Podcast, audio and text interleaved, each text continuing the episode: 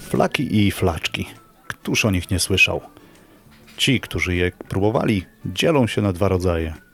Tych, którzy ich nigdy nie zjedzą i tych, którzy je uwielbiają. Nieważne do której grupy należycie, warto wiedzieć, że są z nami od wieków. Zostańcie ze mną, a dowiecie się, co łączy flaki ze wszystkich zakątków ziemi i co mają wspólnego z polityką. I nie chodzi o to, że są nudne. Uwaga, startujemy.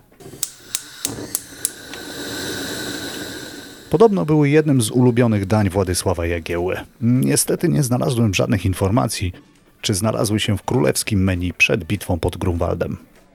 Choć uznajemy je za nasze tradycyjne, narodowe danie, występują one praktycznie na całym świecie i podawane są pod różnymi postaciami.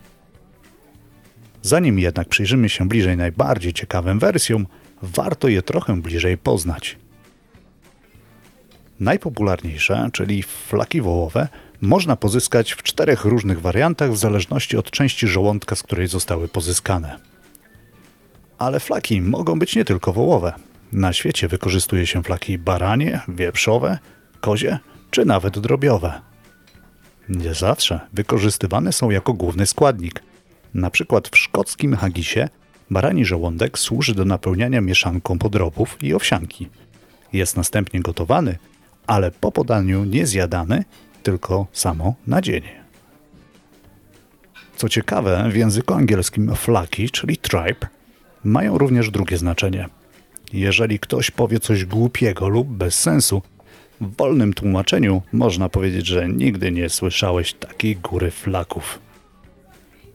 Pozostając na chwilę w Anglii, trzeba dodać, że House of Commons, czyli odpowiednik naszego Sejmu, zatwierdził 24 października jako Międzynarodowy Dzień Flaków.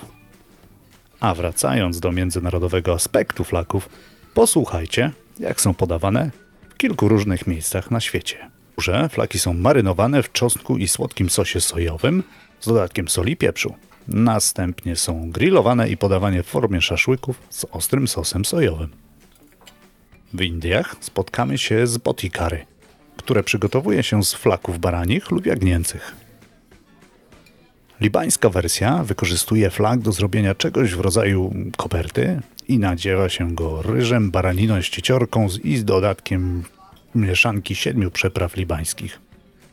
Następnie jest on gotowany w bulionie i podawany z sałatką tabuli. W Turcji podawane są w formie zupy, do której przed podaniem dodawana jest mieszanka żółtek i cytryny.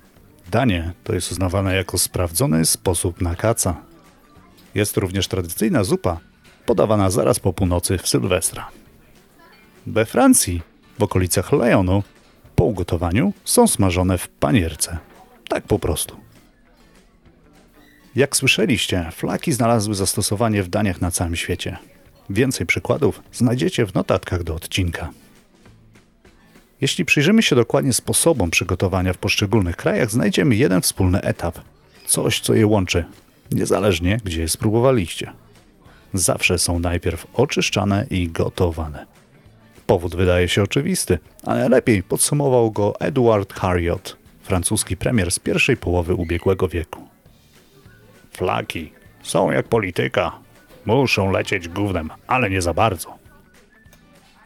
Wypada się domyślać, iż pan premier nie miał szczęścia do kucharzy. Aby zakończyć w przyjemniejszy sposób, należy dodać, iż flaki zawierają w sobie wiele minerałów: sód, potas, wapń, fosfor, magnez i cynk. Z witamin dostarczą nam folacynę, zwaną o ironią witaminą młodości, która jest wykorzystywana, uwaga, uwaga, w kremach do twarzy. Tym nad wyraz optymistycznym akcentem zakończmy naszą przygodę z flakami. Jeśli ich nigdy nie próbowaliście, serdecznie polecam. Może się bowiem okazać, że zostaną jednym z Waszych ulubionych dań. Jak zwykle, materiały źródłowe, z których korzystałem w przygotowaniu odcinka, znajdziecie na stronie podcastu www.podsmak.pl. Nie zapomnijcie zasubskrybować i dodać podsmak do Waszych ulubionych podcastów. Ups. Ktoś głodny słucha. Pozdrawiam, Marek.